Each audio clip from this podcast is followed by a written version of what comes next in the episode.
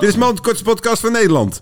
Vandaag wil ik het gaan hebben over cadeautjes geven. Van hoeveel cadeaus moet je geven? Ja, of cadeaubonnen, dat is, dat is het allerergste. Dat is helemaal triest. ja, dat je het gewoon niet weet en dat je denkt van ja, zoek zelf maar wat uit. Maar wat is het alternatief? Als je toch denkt, ik moet iets doen. Ik kan niet met lege handen aankomen. Beffen. Be- eh, bevruchten. Ja. Dit was Mand. Thank you very, very much.